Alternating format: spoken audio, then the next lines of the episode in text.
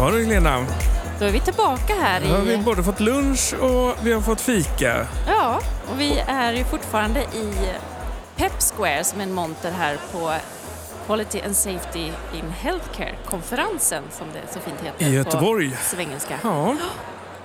Och du har ju träffat någon. Ja, men jag Vem har ju har du med dig? Jag har ju fångat Nina i vimlet och jag och Nina vi känner ju varandra sedan ja, ganska många år. Eh, kan inte du berätta Nina, vem är du? Ja, ehm, Nina Nordgren heter jag. Ehm, och eh, ja, i min profession är jag onkologisjuksköterska. Numera jobbar jag på regionalt eh, cancercentrum Stockholm-Gotland. Jag är processledare där för kompetensförsörjning, ett lite vitt begrepp. Ja, En viktig fråga ju. ja mycket. Mm. Och vad, du är här på den här konferensen, vad är dina intryck? Vad har du tagit med dig hittills? Ja, det, alltså det är så mycket. Alltså det är jättemycket att välja på och bara också sätta sig in i. Det är första gången jag är i det här typen av, liksom, eh, på den här konferensen. Jag Ja, har förstått det. att det har liksom pågått i andra länder och, och så. Nej, men, eh, jättespännande forum att få input från så många olika områden Mm. och liksom få både inspiration och tankar om ny kunskap. Jättespännande. Du och jag träffades ju när vi gjorde en film om en personcentrerad rond. Det är tror jag tio år sedan. Mm.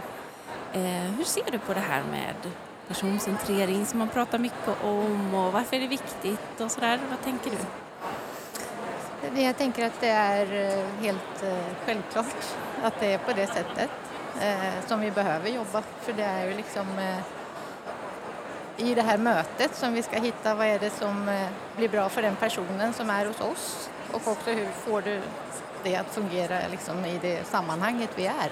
Det är liksom det som är så att säga, syftet med vården och verksamheten som sådan tycker jag. Idag då, vad gör du nu? Ja, idag har jag ett, eh, lite mer, då var jag ju liksom i kliniken kan man säga. Eh, idag är det lite mer utifrån perspektivet att jag jobbar liksom utanför klinisk verksamhet. Men eh, eh nära ändå, kanske lite mer övergripande nivå. Men jag, jag upplever att jag har samma fokus eh, men använder kanske andra verktyg. Men mitt mindset är liksom på samma sätt att utifrån de vi jobbar för är de vi liksom lägger upp ja, arbetet och sättet att vara och mötas. Och, Mm. så det, det är lite olika perspektiv kan man väl säga. Ja.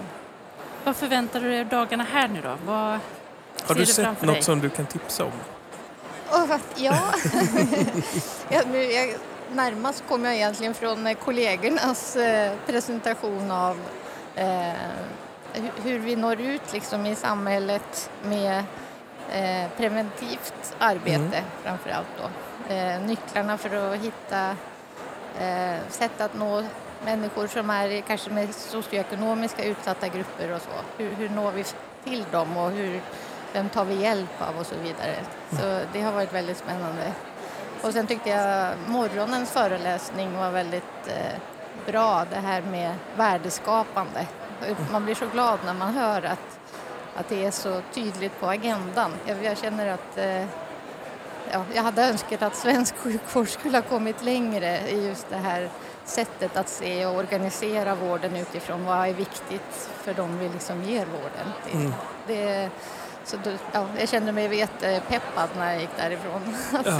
Vilka var det som pratade då om, om det? Ja, jag kom lite in eh, i det här eh, lite sent så jag kan inte Mm. riktigt säga men det var ju en amerikansk läkare som liksom berättade lite så här alltså goda exempel och Ja. eh, det här mindsetet att det. det börjar med oss Mm. och att vi gör det här tillsammans eh, och så.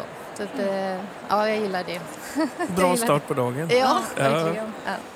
Ja, men jag tror att det är jätteviktigt att tänka både tillsammans och att eh, vi måste ta nästa steg. Det tror jag är min känsla också faktiskt. Att här finns möjligheten att inspireras och så, men nu handlar det om att gå hem och göra och Ja. inte snacka så mycket. Nej, precis. precis.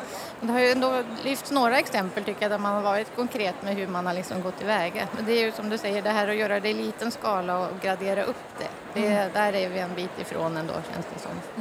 Så, men eh, ja, Jag har tänkt på en sak idag. Är vi, är vi ur pandemin? Liksom? Har ni sett någonting som har haft bärighet på...